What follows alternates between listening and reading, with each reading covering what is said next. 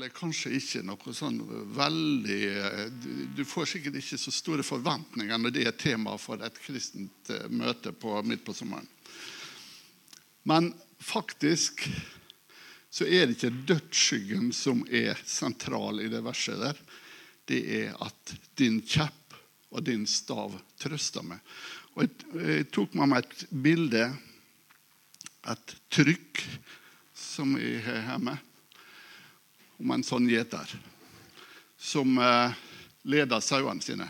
Og sauer er ofte regna for å være litt sånn dumme dyr. Ikke sant, Lars? Du holder på med det. Men faktisk hvis vi, ten, hvis vi ser på det bildet her, så kan vi tenke på sauene som, som menigheter. Sauene, det er oss. Er vi veldig dumme? Ja, vi er dumme. Ordet sier at vi er dumme. Så høyt så himmelen er over jorda, er Guds tanker høyere enn våre tanker. Så i forhold til Gud så er vi veldig dumme. Men det som er så bra, er at han har flytta inn i hjertet vårt. Og han vil være som en slik GPS som hele tida leder oss. Og leder oss, og kommer det en ulv der, så en strammer kjeppen sin. Og kommer det noe der, et stup der, så en strammer staven sin. Og så leder han oss. Og det syns jeg er så fantastisk. Og hvis vi kunne lære å ikke være så mye individualister For at vi lever jo i et samfunn som virkelig heier fram individualistene. Hadde vi kunnet lært å ikke stole på oss sjøl og stole mer på Gud, så har vi kommet til å fått oppleve mye mer ut av fellesskap med Gud. Og jeg, jeg skal dele noen vitnesbyrd, eh, dels fra Bibelen og dels fra andre folk, om hvordan de har opplevd det å være i dødsskyggens dal, og hvordan de har gått seirende ut av det. Eh, Jeg skal først forklare et par begrep. da. Dødsskyggens dal, hva er egentlig det? Når Salme 23 snakker om dødsskyggens dal. Ja, jeg, det, det, står jo ikke noen forklaring på det, men jeg tror at dødsskyggens dal det er de mørke, tunge, vanskelige periodene i livet. Det trenger, trenger ikke nødvendigvis ha med døden å gjøre, men det jo oppleves iallfall veldig mørkt og tungt. Så når vi leser verset, så tenker jeg på når du går ikke nødvendigvis dødsskyggingsdal, men når du går gjennom noe vanskelig, når det er noe som er tøft, når du møter motgang, når folk kritiserer det, når eh, alt ser eh, håpløst ut, når alle dørene er stengt, da er du på en måte i dødsskyggens dal. Og så står det om din kjepp og din stav. Det er jo òg bildet som Bibelen bruker. Vi vet jo det at Gud bruker ikke kjepp og stav på oss. Han bruker helt andre midler. Men kjeppen og staven var gjeteren, gjeteren sitt forsvarsvåpen. Det var det som ga trygghet for han sjøl mot ville dyr, men det var òg det våpenet han brukte for å trygge sauene sine med. Og jeg tror vårt største forsvarsvåpen er at gjeteren sjøl har flytta inn i hjertet vårt og bor der. Og ved Den hellige ånd så har vi fått Guds fulle rustning. Vi har fått, slik det er beskrevet i Efesene 6. Da. Og, og i den rustninga så er ordet og ånden veldig sentral. Så hvis vi kan erstatte kjepp og stav med Guds ord og Guds ånd, så tror jeg vi er temmelig nær sannheten. Men så er det det at om vi har gitt oss over til Jesus, så er det ikke noe automatikk at vi går i den flokken her. Sauer som ikke følger gjeteren, som springer i alle retninger, det er de verste sauene. De som vil klare seg sjøl, Og de som tenker det at ja, jeg, jeg, jeg tror det er bedre gress på den sida der, så jeg går dit. Og jeg tror at villdyra ikke er på den sida, så dit vil jeg gå. Men det er bare Gud som vet det. Så det å gå i flokk slik som dette det er ikke noe dumt. Det er faktisk veldig lurt. Det er veldig lurt, fordi at vi stoler på Han som har den hele og fulle oversikta. Kunne noen hente et glass vann? Med en gang jeg kommer på hit, så blir jeg tørr i munnen. Jeg vil dele noen vitnesbyrd med dere. Og Den første jeg ønsker å ta fram, det er Stefanus. Eller Stefanus. Det var en spesiell fyr. Det står ikke så veldig mye om ham i Bibelen, men at det var en spesiell fyr, det var det. Og det står at eh, apostlene de, de, fikk så mye å gjøre etter hvert at eh, de har ikke tid til å drive og servere. Det er ikke rart å tenke på at det var apostlene som drev og serverte ved bordet. Ja, det var det faktisk. Så de skulle plukke ut noen til å, å servere ved bordet. Og de lista opp hvem det var. da, Det står navnene på det. Men en av dem var Stefanus. Og de la vekt på det at de som skulle tjene ved bordet, det skulle være folk som kjente ordet, som var fylt av Guds ånd og kraft. og Det, det var ikke noen hvilken som helst. Og så står det faktisk det at de la hendene på innsatte de tjenesten til å tjene ved bordet. Vi har som tradisjon at vi setter inn pastoren og de eldste. Men kanskje vi skulle ha begynt å ta kjøkkenpersonalet og vaktmesteren og, og de som er med på å organisere, og sette inn, for det er en viktig tjeneste. Det er en viktig tjeneste. Vi trenger alle sammen å være fylt av Guds ånd og Guds kraft, uansett hva vi skal gjøre. Stefanus var en slik mann. Og det religiøse Israel der tålte jo ikke folk som var fylt av ånd og kraft. De var så religiøse at hvis, hvis de lukta det at her var det ånd og kraft, så var det om å gjøre å få slått dem ned. Og Det samme skjedde med Stefanus òg. Han ble født framfor rådet. Og, og når Stefanus begynner å tale, så ser vi det at han vet mer om Moses han, enn det som står i Bibelen. Ellers i Bibelen, men i Det gamle testamentet. Han kan hele historie, Israels historie, og han vet mye mer. Han, han vet uh, hvor gammel Moses var når han begynte tjenesten sin. Det, eneste, det er bare Stefanus som forteller oss det. Så det var virkelig en mann som kjente ordet.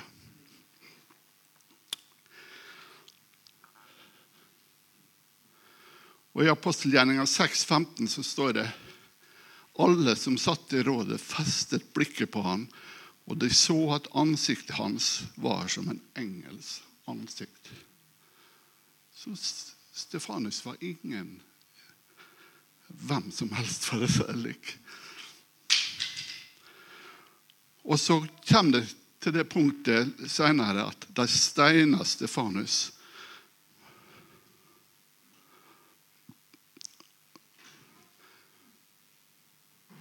Men Stefanus han påkalte Gud. Og han ba for det som steina ham. Tilregn dem ikke denne synden. Viser det noe om hjertet til Stefanus?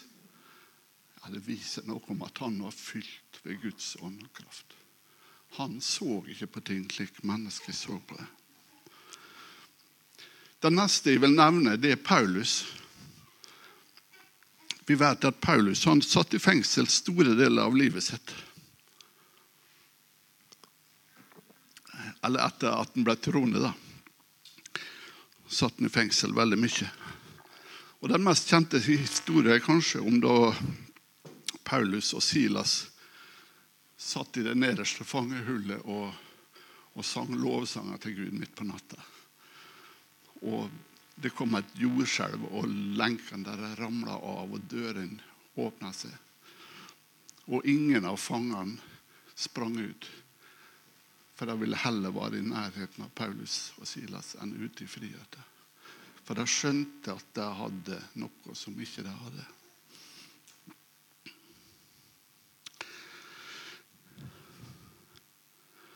Men det gikk jo sånn med Paulus til slutt at han òg ville det å ta livet av. Og han ble tatt livet av òg.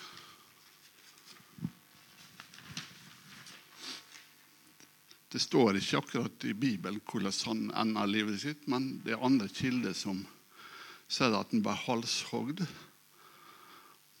Og det er også kilder som forteller at når Paulus ble halshogd, så sprang han fram til blokka og omfavna henne i glede. Så la han hodet ned. For nå visste han at nå skulle han møte Jesus. ikke det sterkt?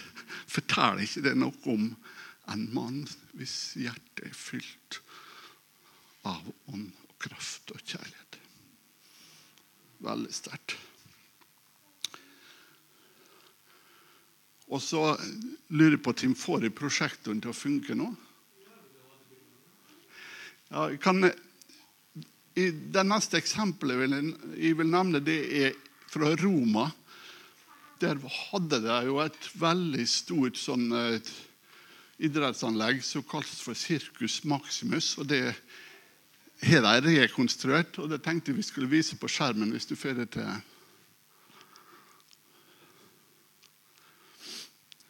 Hvis det er noen som har sett Ben Hur, noen som har sett den filmen ja, den var, var, Denne kappkjøringa der, det var på Circus Maximus.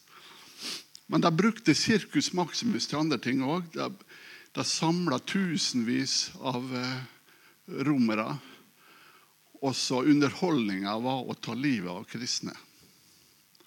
De brente det, eller de slapp løve inn på, på arenaen.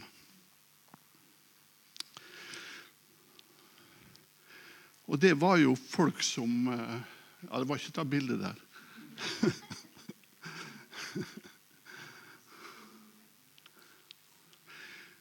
Det er jo å gå i Er det noe som er dødsskyggens dal, så er det jo det å bli brent offentlig til underholdning for tusenvis av folk.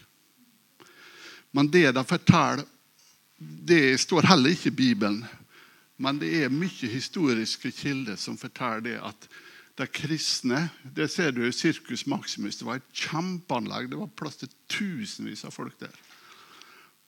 Og så Det neste bildet det er, der er det noen som prøvde å framstille De hadde jo ikke fotoapparat på den tida, men her har de prøvd å framstille de kristne som står i en samla en flokk der og synger lovsanger til Gud mens de slipper løvene inn for å ete dem opp. Men det som blir sagt om, om, om eh, hendelsene der, er at de kristne utstrålte en slik glede at det hendte at romere hoppa ned fra tribunene, ned på stadion, og lot seg dø sammen med kristne, for de så den gleden som de utstrålte. Det forteller om et hjerte som er fylt av ånd og kraft. Så hei er det en Nå skal vi over til, til Norge da, og litt nyere tid. Det er en mann som heter Hans Nilsen Hauge, som han, eh, Jan Tore er veldig glad i å snakke om. Og Vi har et bilde av han òg. Der har vi en. Og så har vi et maleri der eh, jeg tror det er Tidemann som har malt eh, et bilde som heter 'Haugianere'. Det er neste bilde. Der Hannes Nilsen Hauge står og taler. Han var født i eh, 1790, Nei, ikke, han var ikke født i 1796, men da hadde han en opplevelse. Da var han 25 år gammel da han var ute på åkeren og pløgde. Og plutselig så forteller han at Guds kjærlighet besøkte han. Han hadde en veldig sterk opplevelse av Guds kjærlighet. Og slik jeg tolker det, så er det Han var jo kristen på forhånd òg. Slik jeg tolker det, så ble han åndsdøpt der ute på åkeren. Og det snudde helt opp ned på livet, livet hans. Han via livet sitt til å forkynne evangeliet. Og, og i til sammen 18 år så for han rundt som predikant. Og på den åtte år Det sto 18 år i det. Ok. Ja, jeg tror mer på det enn på Wikipedia. Iallfall så for han rundt og forkynte i mange år. Og, og, han ga ut 33 bøker, stemmer det? da? Ja. Og han satte i gang en rekke handels- og industriforetak. Det òg stemmer. Så han var en mann som gjorde noe godt for et folk som var undertrykt. Var, nordmenn var veldig undertrykt på den tida. Det var bare overklassen eliten som, som hadde noe innflytelse i samfunnet, og alle andre ble undertrykt. Men han Hauge stilt, kom opp som en bondegutt og, og stilte seg fram og forkynte evangeliet. Og uh, han førte til en stor vekkelse i, i store deler av Norge. Og det går an å tegne, ta en tusj i dag og tegne grensen for det som Hans Nilsen Hauge var. For der er det, det Der har kristendommen en spesiell plass. Og det gjelder spesielt Vestlandet og Gudbrandsdalen. Eh, eh, mens området som Nord-Norge, der var han veldig lite. Jeg tror nesten ikke han var der. Og Der ser vi at det er et mye hardere klima i forhold til kristendom. Så Hans Nilsen Hauge han gjorde et veldig, veldig stort inntrykk på Norge som vi bærer frukter av fortsatt. Og han var én mann. Det syns jeg er imponerende. Vi tenker ofte at vi er få og vi kan få gjort så lite. Men han var én mann. Og han forandra Norge. Men så er det en annen spesiell mann. Og det var en som heter Ludvig Monsen. Og han, beskrev Det er en bok om en Ludvig Monsen, en Håkon Storm. Og Den eh, har Jan Tore. Han, eh, han låner ut. Men hun er visstnok vært utlånt de siste ti åra, så det er litt vanskelig å få tak i. Eh, og jeg vet ikke hvem som har henne. Ja, det er dessverre jeg som har henne. Men hadde ikke jeg hatt den boka, så hadde jeg ikke holdt den talen her i dag. For han er et utrolig Det er en utrolig mann. Nå skal jeg prøve å fortelle litt om han. Hvis det kommer uh, Tim, har du bildet av uh, Ludvig Monsen? Han var feier. Og han datt ned fra et tak, og han ble lam fra armene og ned, og han ble blind. Og han er, fra Stavanger. ja. Det er ett bilde til.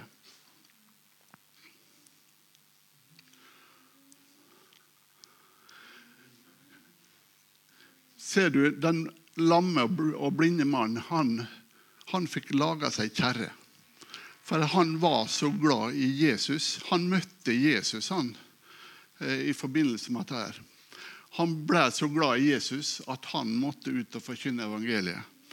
Og så fikk han laga ei slik kjerre eh, som eh, gjorde at han kunne flytte på seg. For ellers det hadde jo ikke rullestoler på den tida. Det hadde jo ikke noen måte å komme seg rundt på. Så han, ble, han hadde en venn eh, som het eh, eh, Håkon Storm.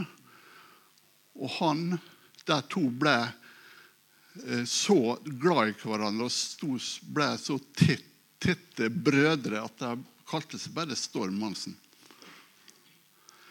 Og det trill, eh, han, eh, han, Storm han trilla Ludvig Monsen rundt i Stavanger.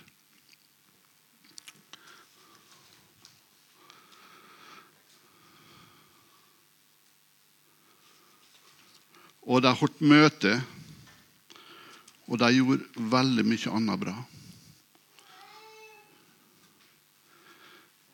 Men så kommer det til et punkt at han Ludvig Monsen han tenker at Stavanger trenger å få høre evangeliet på en spesiell måte. Så de setter inn følgende annonse i Stavanger Aftenblad. Er Jesus sann Gud? spørsmålstegn. Et spesielt møte vil bli avholdt nå om søndag den 17. januar klokken tre ettermiddag, presis i Arbeiderforeningens lokale. Til møtet vil Darwinistenes forening og alle byens prester blive skriftlig invitert, like som vi herved vil innbyde hver eneste sosialist i Stavanger, der vedkjenner seg sitt parti, samt alle rasjonalister og gudsfornektere, alle tvilere og de som funderer på om Kristus som Gud, er hjertelig velkomne. Så det syns jeg var en stilig annonse. og det har vært gjennom en Både en Storm og en Monsen hadde kjempa litt litt før når annonser ble satt inn. Men etter at de satte inn en annonse i Stavanger Aftenblad, så, så sa han eh, så, så sier Monsen det at da sa min broder at han kjente en kraft, og hans sjel fyltes med en eiendommelig glede og fred. Ja, dersom vi går Herrens vei og gjør Hans vilje, skal vi, som Skriften sier, kjenne om læren er av Gud, eller om jeg er talt av meg selv. Fra denne tid av ble våre dager og timer et, et mer bønnens liv enn før. Og hva dreiet bønneemnet seg om? Jo, om dette ene, at Guds navn måtte æres, og at Guds barn av alle klasser og samfunnslag måtte blive velsignede og styrkede i troen, at byens befolkning måtte våkne opp og gripe frelsen i Kristus før det ble for sent. Til sannelig tiden er herefter kort, og snart kommer Han som komme skal og han vil ikke tøve.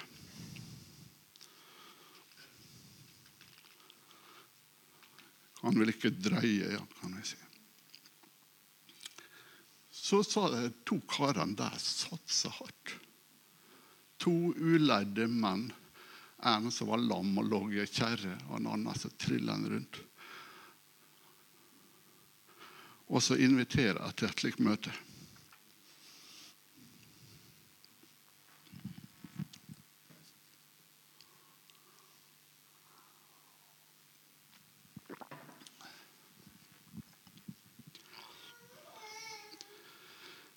Da var den 17. januar 1915. Den 18. januar 1915 så står det i Stavanger Aftenblad med overskrifta 'En lam mann står opp og går'. Med undertittelen 'Et beveget opptrinn på Nattmisjonens møte i går'. Således sto der å lese i en av Stavangers aviser mandag den 18. januar 1915. Nå skal jeg lese noen utdrag av det. Jeg kan ikke lese alt, for da går tida fra oss. Men det sto det i den artikkelen. Det var søndag den 17. januar som der var berammet et spesielt møte i Arbeiderforeningen av Monsen Storm med emnet sålydende Er Jesus sann Gud? Er evangeliet sannhet. Vårt møte, som var berammet til klokken tre ettermiddag, hadde samlet over fullt hus. Så når min broder kjørte meg inn i lokalet, var det godt å merke at her var det en forsamling til stede som var meget broget, og at det var en tropp til stede hvis ånd var opptatt med dette ene. Herre, velsigne oss med din nåde, og la din ånd være til stede.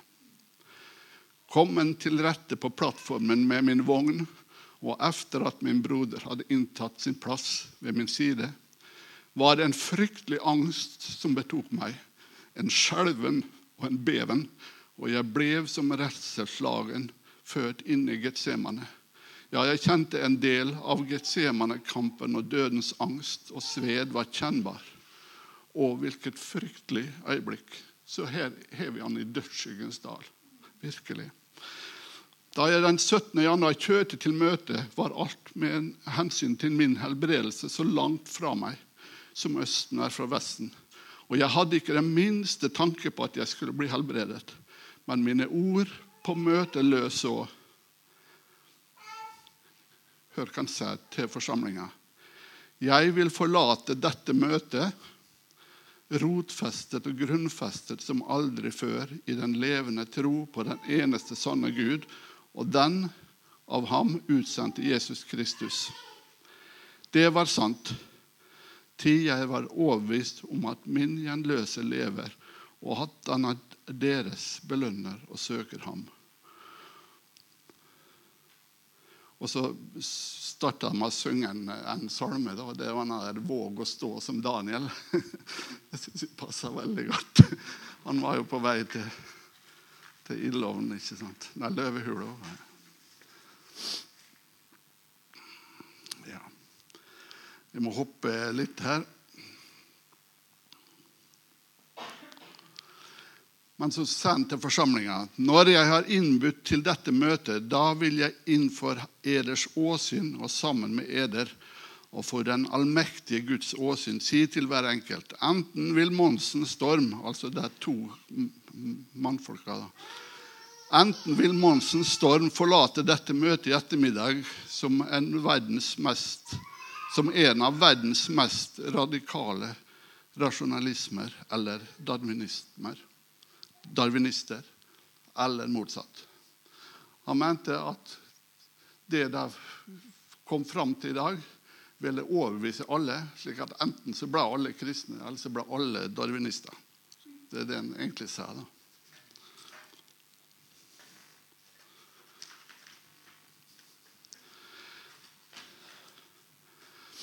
Og så begynner han talen sin, og så holder han en lang tale. Da jeg den 17. januar hadde en time, talt en times tid, så ble jeg med ett fullstendig maktesløs. Og alt hva jeg kunne gjøre, var å sukke til Gud. Jeg kjente det som en Getsemane-kamp, og som om dødens angst betok meg. Det var et fryktelig øyeblikk, og en liten stund deretter så kom det et lett støt gjennom mitt legeme. Og det var virkelig behagelig. Det kjentes ut for meg som en nytelse, for så i neste øyeblikk så kom det et veldig støt gjennom min kropp som ville det rive sønder hver le og lem på mitt legeme. Det knaket og braket i hver fiber og kjentes det ut som det skulle tages lem for lem av mitt legeme. Og så kom det noe av det mest underbare i mitt liv som jeg har opplevd, og det var, ja, hør, en yndig stemme så himmelsk og så ren, mild og øm. De talte det mest dyrebare språk som jeg noensinne har hørt. Stemmen kom fra Jesu egne lepper og ut fra hans egen munn. Og hvor salig. Og de ord som ble talt til meg, var for meg mer enn ord kan tale og penn kan skrive. Og det lød så. Ludvig stå opp. Og halleluja, den lamme reiste seg, og den blinde fikk syne. Nå vil jeg give min broder ordet han forteller. Nå er det broren som forteller. Jeg satt på en stol ved siden av vognen i bønn, mens den ene dødens bølge etter den annen overskyller min sjel, inntil vekten av møtets forferdelige alvor og evighets betydning knugde meg ned med mitt hode mot gulvet og kjente meg sammen med min broder dypt ned i dødens bitre vande. Jeg tror nok at to karene her ikke har skjønt helt hva de har i Kristus. Men likevel, likevel så får de møte Gud på en så eh, kjempefin måte. Det gjaldt himmel eller helvete. Med ære og Gud kan Han som kastet oss utfor stupet, være også mektig til å hente oss opp fra avgrunnens brønn. Etter disse fryktelige øyeblikk kom Guds milde fred, og hørte jeg Herrens stille stemme si til meg, reis deg opp. Men jeg nølede. Da sa stemmen igjen, vær snill og reis deg opp. Jeg reiste meg rolig opp på mine føtter og kjente jeg fra oven en velsignelsens strøm strømme gjennom meg. Og som jeg så, sto således, således ved vognen, eh, begynner min broder å reise seg opp. Og jeg giver ham hånden. Og hva der gikk gjennom min sjel, og hva jeg opplevde i min ånd, er altfor veldig og hellig til å kunne utsige med menneskelige ord. Ved Jesus av Nasaret sto ved, min, ved Jesus av Nasaret sto min broder helbredet ved min side. Likeså forteller min broder under de foregående siste dagers bønn for dette møtet, da våre sjeler var i en sviende angst for Herrens navns ære. Og da korset Altså, De lurte på om de et, ville sette Gud i et vanry når de turte å sette inn en sånn annonse. ikke sant? Og så, og så skjer dette her. Og da korset tynger det på våre skuldre, sa Jesus til meg. Guds fornekterne og rasjonalismene er mine verste fiender. Advar dem fra meg, tid de vil gå den evige død i møte. Jeg har sonet for verdens synd. En annen gang lød ordene så Gud lar seg ikke spotte. Kjære leser, du kan tro det ble jubel. I tolv lange år liggende på ryggen uten å få komme på siden eller sitte, bare ligge, ligge og atter ligge. Og så plutselig får min følelse tilbake, og til like mitt syn, så jeg kunne se og kjenne alle mennesker. Jeg ble så glad at jeg lo og klappet i mine hender og jeg og min broder kunne ikke annet enn å bryte ut i jubelrop. Jesus er Gud! Ja, Jesus er Gud! Der ble jubel i Stavanger, i mange Guds, eh, Guds barns hjerter. Og dette var ikke et verk som var skjedd i mørket, men på høylys dag i et møte hvor det var samlet ca. 2500 mennesker. Og det er jo sikkert at Gud kan ingen gjerning gjøre i mørket, tid han er lys. Mange mennesker gråt, andre lo. Og det var dem som besvimte. Alle forlot de lokale i fred, og utenfor var det samlet flere tusen mennesker til det hadde gått som lynet over hele byen. hva som var hendt. Og utenfor ventet de på at jeg skulle komme og begive meg hjem. Og jeg var jo glad som et barn. Halleluja. Jeg fikk nå biltur, og det kan du skjønne var greier. Å sitte sammen med min broder, som i seks og et halvt lange år hadde kjørt meg til og fra møtene, og så godt som vi var kjent i Stavanger. Og nå skulle vi kjøre sammen i bil. Og fra bilen sprang jeg inn i huset der vi bodde, og jeg var fullkommen frisk. Å ære være Gud. Var ikke det en flott historie? Og dette her skjedde i, på 1920-tallet i Stavanger. Før trosbevegelsen, før uh, Andrew Womack, for å si det slik. Før, før uh, Altså Åpenbaringa til disse to karene der om hva de har i Kristus, den var veldig begrensa. De, de, så fortsatt på en, en eh, fortsatt på Gud som litt streng og sint. og, og og, men likevel så, så ble det opptent en sånn brann i hjertet deres som løste ut det fantastiske underet. Og frukten av livet til disse to karene der, det var ikke småtteri. Det var ikke bare at han ble helbreda.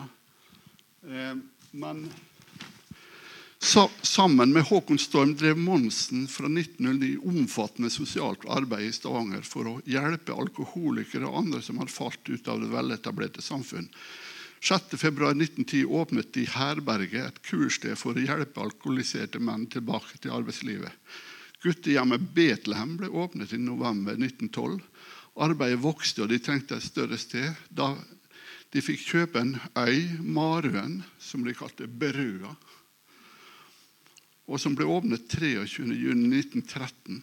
De hadde også et hjem for kvinner.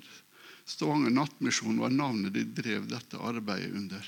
De startet også et blad, Nattmisjonæren, som i 1909 hadde 6000 abonnenter. Og ta det var før han ble helbredet. Det var mens han lå på ei kjerre. Tenk for en kjærlighet og for en åndsfylt mann det var.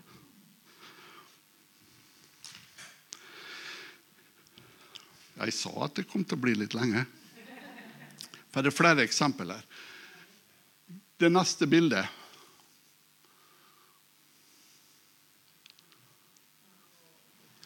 Kjenner du den dama der? Corrie ten Boom. Hun er 91 år på det bildet der. Du kan ta det neste bildet òg. Ja, det er kanskje litt i feil rekkefølge. Ta boka som hun skrev, 'The Hiding Place'. Men ta neste bilde. Jeg tror de hadde et uh, bilde av når hun var ung òg. Det er boka på norsk.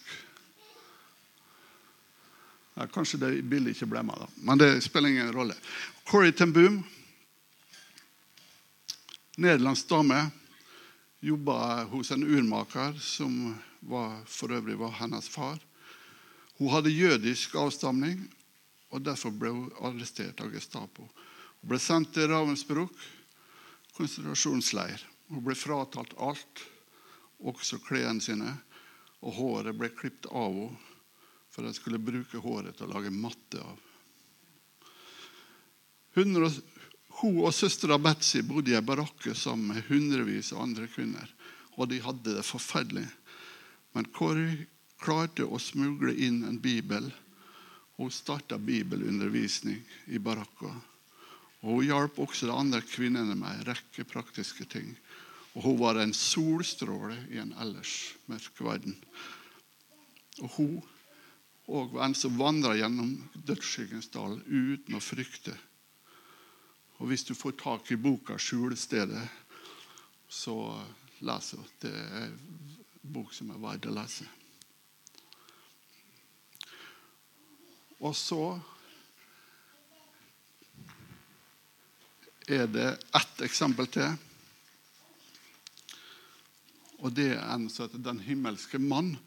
Har du 'The Heavenly Man'? Den er òg utgitt på norsk. Og den som ikke har lest den boka, bør springe og få tak i henne. Og låne om noen. Eller. Det er altså ei så god bok som er gitt ut på forlaget til Ungdom i oppdrag. Hva heter det? Agape Nei, Proklamedia. Proklamedia. De har gitt ut den norske utgaven. Og han eh, er fra Kina. Hadde broder Jun, blir han kalt. Eh, men han blir også kalt Den himmelske mann etter at boka ble utgitt. Broder Jun han eh, var undergrunnsleder, og han var forfulgt en rekke Han var forfulgt, og han var fengsla en rekke ganger. Og han opplevde store under og også mirakuløse helbredelser. Jeg har ikke tid til å komme inn på det, men det er helt fantastisk å lese. Hvor eh, han var torturert, så han hadde seks brudd i begge fotene. Og spontant helbreda, og fengselsdøren åpna seg, og der sto det utafor en taxi og venta på ham. Så kom det et enormt torvær over byen, slik at ikke klarte, politiet klarte ikke å finne sporet av ham. Det er helt fantastisk. Men det er en historie jeg ønsker å fortelle om den himmelske mann. og det er at Politiet ønska å advare befolkninga mot religion. Så de tok noen av de kristne og satte dem på en lastebil og skulle kjøre rundt. Og så hadde de sånne megafoner som, som de fortalte om. Eh, slik går det med de som tror på Jesus. Men aksjonen ble totalt mislykka. Hvorfor? Jo, for de kristne satt på lasteplanet og begynte å synge salmer og lovsanger til Gud. Så det ble egentlig en reklame for kristendommen i stedet for til skrekk og advarsel. Så denne aksjonen ble veldig fort avlyst. Men det viser en mann som har et ja, som i dødsskyggens dal ikke frykter noe vondt, men som tror at Gud er min hyrde, Herren er min hyrde, jeg mangler ingenting. Han nekta for, å bøye seg for frykta i dødsskyggens dal. Og han ble trøsta av ånden og ordet. Det er bare historien om hvordan han helt klarte å få beholde Bibelen sin. Bare det er jo helt fantastisk.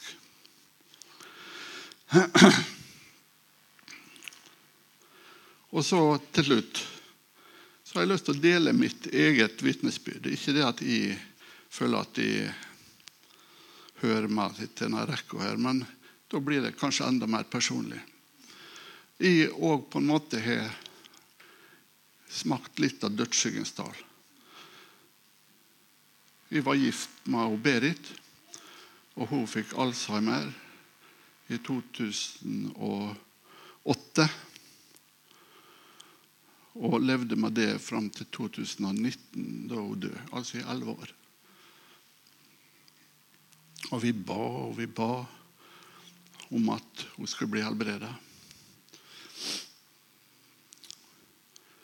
Men eh, det ble hun ikke. Og det var ikke fordi at Gud ikke ønska å helbrede henne tror Gud mer enn gjerne ville ønske at hun ble helbreda. Men jeg tror det var vår, vårt, vår manglende forståelse av hvem Gud er, som gjorde at ikke vi kunne reise oss opp og forsyne oss av det bordet som Gud har dekka for oss. Men Gud lot meg ikke være alene i dødsskyggens dal. I 2008 så talte han til meg en natt om at jeg skulle gå på bibelskole. Og Hans kjapp og hans stav leda meg til England. Og det har gitt meg så mye. Jeg har fått et nytt og bedre, en ny og bedre forståelse av Jesus, av evangeliet, av nåden og min stilling innenfor Gud. Og så har jeg fått meg ei fantastisk ny kone. Klapp for henne.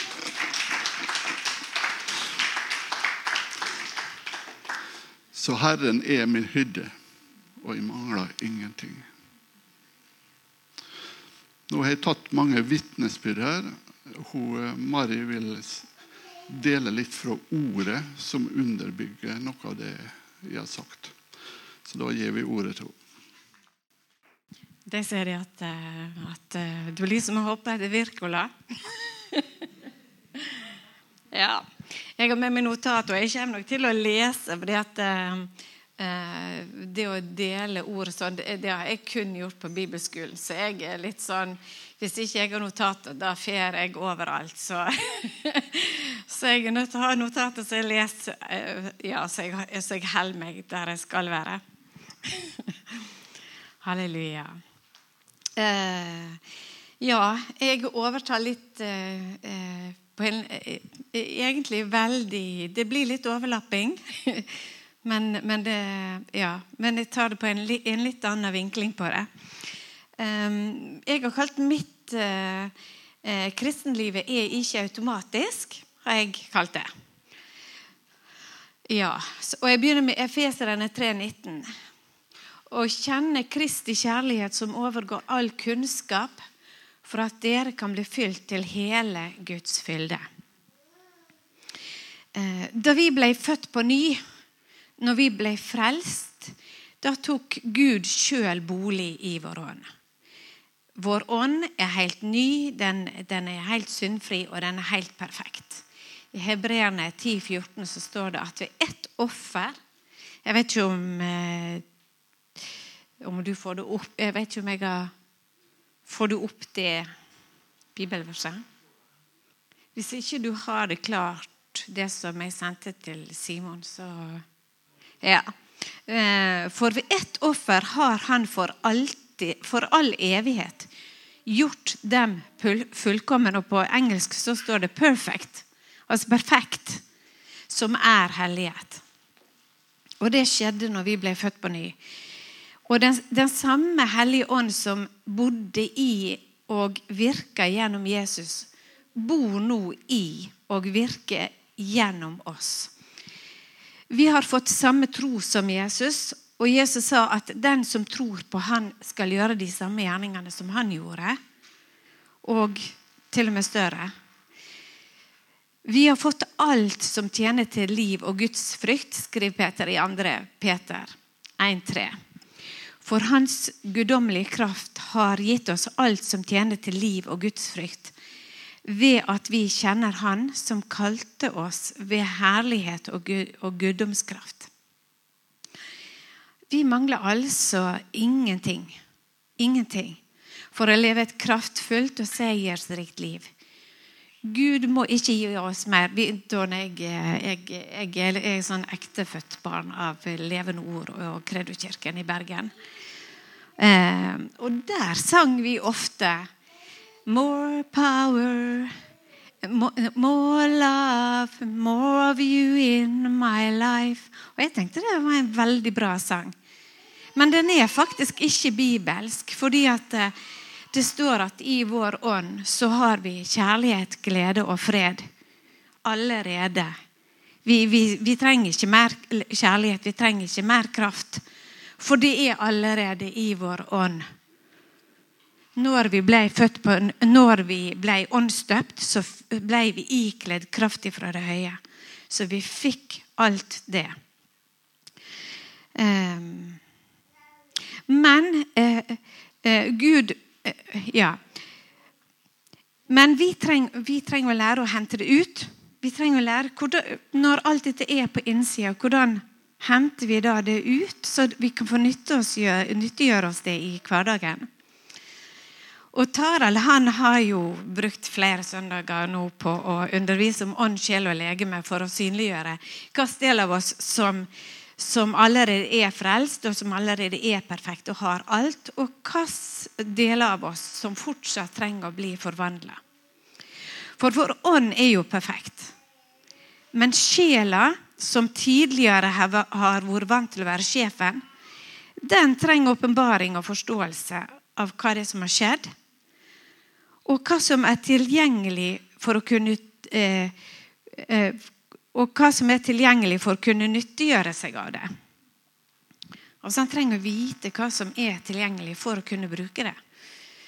Og kroppen den er jo bare, den har jo Tarald fortalt at den har jo egen, ikke noen egen frivillige. Den, den er bare en sånn så bare delt etter. Det er som en, en, en vogn på, på toget som, der, der lokomotivet fer. Der fer vogna. Den har ingen egen vilje.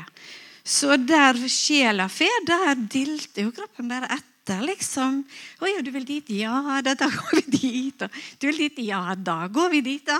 Sånn, uten å, å stille spørsmål. Og, og vi, vi, har litt lett for å tenke at ja, men hvis det er sånn at jeg har alt, og alt er tilgjengelig, hvis jeg har alt inni meg, jo, Og hvis jeg er, vel, er velsigna, så jeg hadde jo visst det, jeg hadde jo kjent det, jeg hadde jo følt det. Eller hvis Gud bodde inni meg og snakka til meg hele tida, ja, men da hadde jeg jo merka det. Men det er ikke sant, for følelsene våre og sansene våre de er i sjela. Som, som, og sjela den er i den naturlige verden, i den naturlige sfæren. Mens vår ånd i den åndelige verden og i den åndelige sfære. Som sjelden registreres av sjela vår. Jo, sjela vår kan sanse det når det, sånn, er sterke møter og det er sterkt gudsnærvær. Sånn, så, så, vil sjela fange det opp. Men det, men, og da er det lett å tenke at ja, men det er kun når vi kun når vi er i sterke møter og du liksom kjenner å, nå er det Guds, sterkt gudsnærvær, at det er kun da Gud er til stede. Men det er ikke sant. Fordi at, eh, fordi at uh, Guds ord sier at Gud han har flytta inn. Han har flytta inn, og han bor der. Og han har sagt 'Jeg skal aldri forlate dere eller svikte dere'.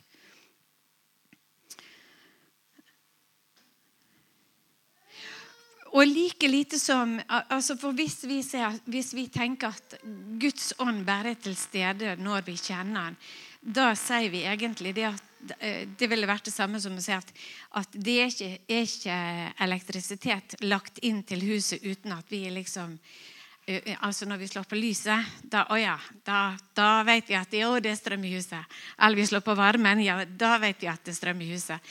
Men det er strøm i huset om vi slår av alt så er strømmen likevel i huset. Og det er faktisk òg sånn med Guds ånd. Han er der selv om vi ikke merker at han er der. Så hvordan får vi tak i det? det et, hvordan får vi tak i det som er i vår ånd?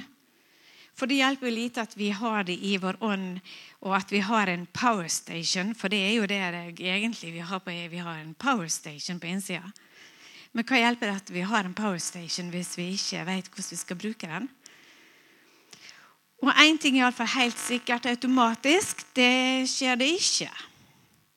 Fordi at vi, eh, vår sjel den er vant til å operere i det naturlige og, og å forholde seg til det naturlige. Og det å samarbeide med Ånden, det er, det er helt nytt. Det er helt ukjent. Det, Sjela vet egentlig ikke helt hvordan skal forholde seg til det. Tankene og følelsene har tidlig, Tidligere så har de fått lov til å være lederen led, og ta ledelsen. Iallfall i mitt liv så hadde de iallfall ledelsen.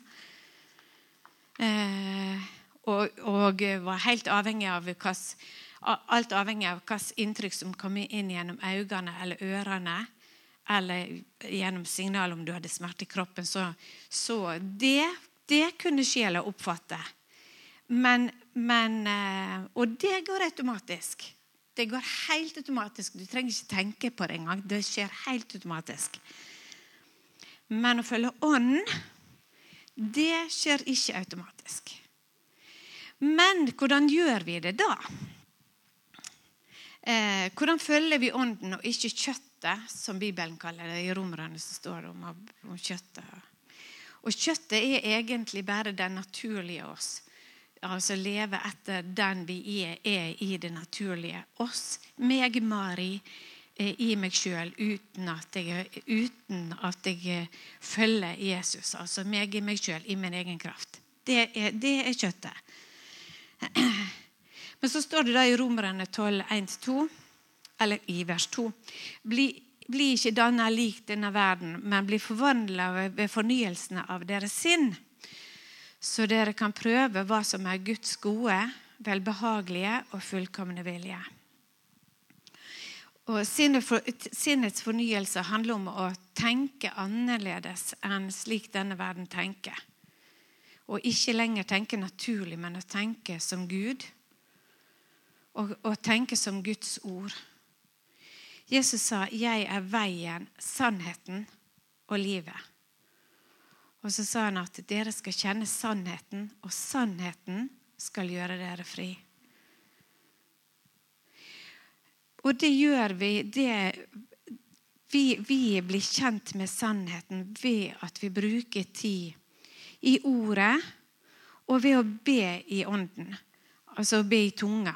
Så det, så det å be, det å være åndsdøpt, det, det, er ikke en liten greie. Det er faktisk det er hele kraftkilden i, i kristenlivet. Det er, det er veldig en, en, en tilgang som vi, jeg tror vi glemmer å bruke. Fordi at det står, Jesus han sa det at eh, Den hellige ånd skulle lære oss alle ting. The Comforter står det i, i, i, um, står det i King James. Altså Den hellige ånd blir kalt The Comforter. Trøsteren. Og han skal lære oss alle ting. Så, så når, vi leser, når, vi leser ordet og ber i tunga, så vil Den hellige ånd åpenbare ordet for deg, sånn at, du, sånn at sjela forstår det. For, for vår ånd har alt, men sjela må få tak i det. Sjela må forstå det. Og, det, gjør, det gjør Den hellige ånd når vi ber i tunga.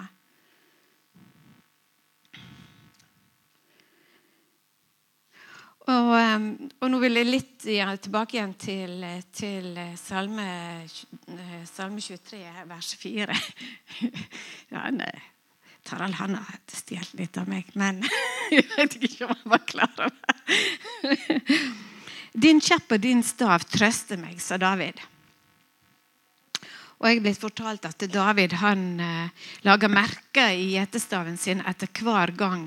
For hver gang han var i en situasjon eh, i, en, i en utfordrende situasjon, og Gud kom og hjalp ham, så laga han et merke i staven for å minne seg sjøl på at der var jeg i den situasjonen, og Gud han kom og hjalp meg. Men likevel, når David da kommer til kong Saul seinere, og Goliat står som en utfordrer, så, så sier faktisk ikke David til kong Saul at ja, når jeg var gjeter og det var, kom løve og bjørn, så kom Gud, og så drepte han deg. Nei, han sier ikke det. Han sier det at din tjener har drept både løve og bjørn.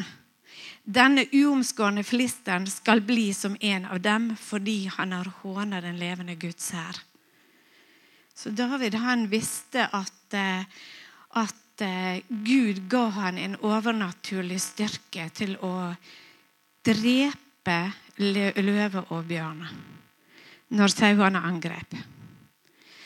Så det å stole på Gud det er ikke en passiv aktivitet, men det å ta i bruk den krafta som bor på innsida. David brukte bildet 'din kjepp og din stav, de trøster meg'. Men jeg vil bruke ordene 'din ånd' og 'ditt ord'. De trøster meg i stedet. Fordi det er Gud, for det er det Gud bruker til å tale til meg og til å oppmuntre meg og til å lede meg. Vi lever i en pakt som er bedre enn David gjorde. Selv om han så den i ånden. For det gjorde han faktisk. Når du leser ting David skriver, så skjønner du at David så faktisk inn i det med frelsen. Han så at Jesus kom til å dø. Og vi lever faktisk i, den, i det som patriarkene, det Abraham og de andre og Moses så, bare så fram imot i tro og lengta etter. Det lever vi faktisk i nå. Bruker vi det? Jeg, jeg vet at jeg kan bruke det veldig mye mer enn det jeg gjør. Tarald nevnte, har nevnt mange eksempler i dag på troende menn og kvinner som levde sterke og innflytelsesrike liv. Og da, da er det kommet et spørsmål til meg i dag. Er det, er det forskjell på deg og på deg? Mangler du noe for å kunne være, like, være et like sterkt vitnesbyrd som deg i dag? Eller i morgen? Eller om fem år? Og da vil jeg herme litt etter Tarald. For han, han tar en liten pause, og så sier han Nei, det gjør du ikke. Eller det gjør du ikke, sier han.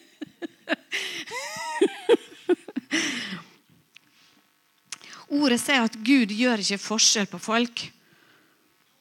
Og det er vi som har ansvaret for å bevare hjertene våre.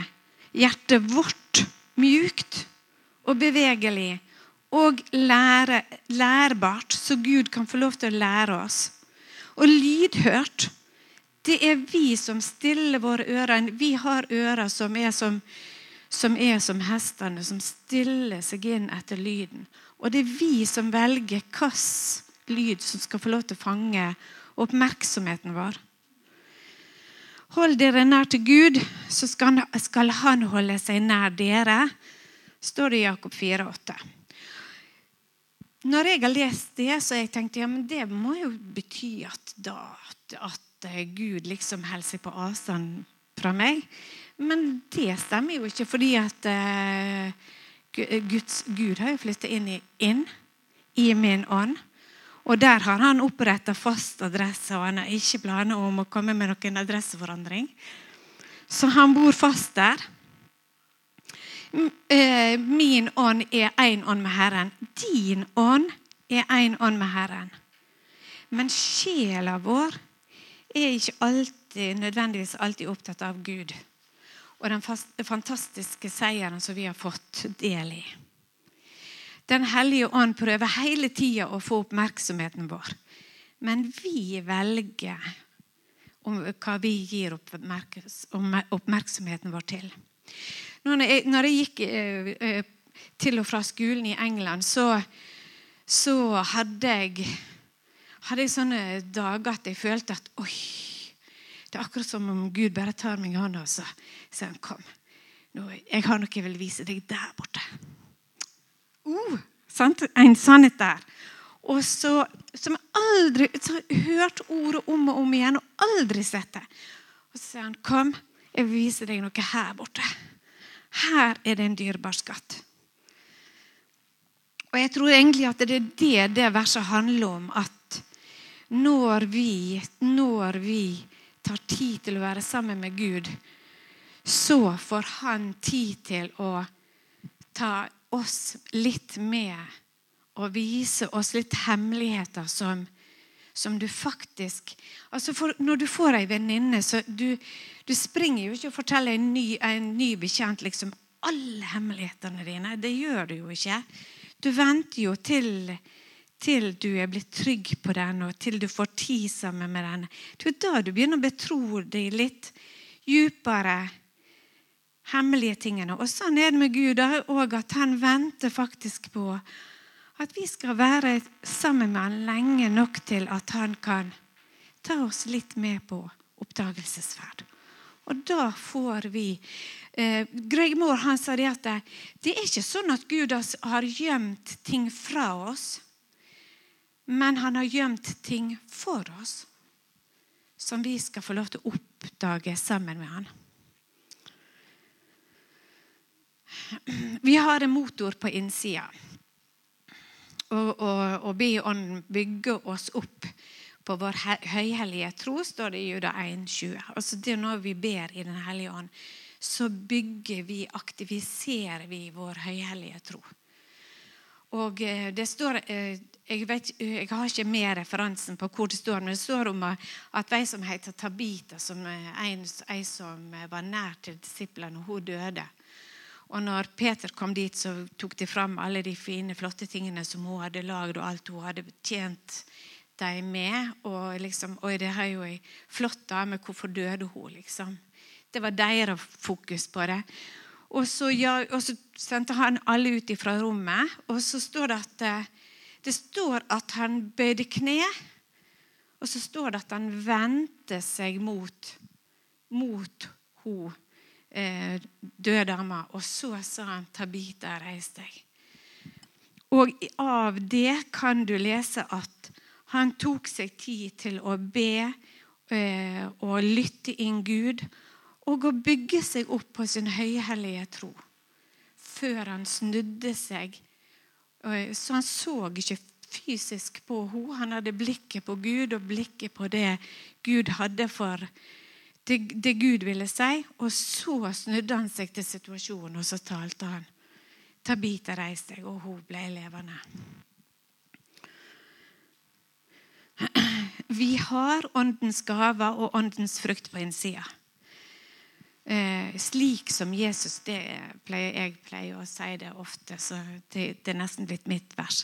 Som, som, Jesus er, slik er vi i denne verden. 1. Johannes 4, 17. Altså slik som Jesus er nå, slik er du i denne verden. Og det er nesten litt skremmende å tenke på. Det er i alle fall veldig utfordrende å tenke på at alt det som Jesus hadde tilgjengelig inni seg, alt det som Jesus eh, levde og virka ut ifra, det er faktisk tilgjengelig inni deg, i deg. Og Gud ser med begeistring på deg fordi han veit hva som bor inni deg. Du har alt du trenger inni deg til å gå seirende gjennom alle situasjoner. Så vil jeg bare avslutte med Salme 24, 23,4. Ja, sjøl om jeg må vandre gjennom dødsskyggens dal, frykter jeg ikke for noe vondt. For du er med meg. Din skjepp og din stav, de trøster meg.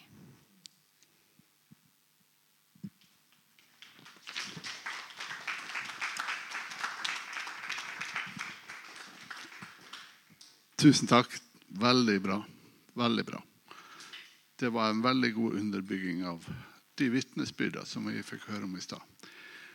Jeg lurer på, Tim, eh, denne videosnutten som vi Har det mulig å få den opp på skjermen? Så avslutter vi med det. Year 9 science uh, curriculum is what we're going to do is we're going to, uh, we're heating up a little bit of water in the bottom and as we heat the from liquid to gas and that gas fills that space and all of the inside gets really hot. And then what we're going to do is we're going to switch the gas off and we're going to close the lid and we're going to put the hose pipe on Det tenkte jeg holder. Da tenker jeg det er mange som sitter og lurer på hva skulle dette her illustrere. Men det er faktisk et veldig Du vet Jesus brukte lignelser for at vi skulle forstå ting. Og dette er på en måte en lignelse. For vi, hvis vi sammenligner den der um, tønna der med oss, eller hjertet vårt da, så vil vi Vi har et, helt, et ytre trykk å forholde oss til. Altså den, eh, hva var det som gjorde at den tønna kollapsa? Det var det atmosfæriske trykket som vi alle er eksponert for, men som, som vi tåler pga. at vi har et indre trykk som, som eh, er et mottrykk. Men det er ikke rent fysisk jeg snakker om, men nå prøver jeg å få, jeg prøver å bruke dette her som en illustrasjon på det åndelige. Da. At vi har et åndelig trykk utafra.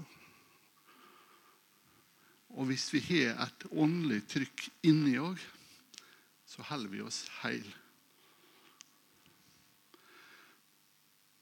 Men hvis vi ikke lar oss fylle med Guds kraft, Guds ånd, Guds ord, og gjør det kontinuerlig, altså gjør det daglig Hvis vi tar det i tunga, f.eks. Bygger oss opp, så vil det trykket innvendig forsvinne. Og så vil det ytre trykket få oss til å kollapse.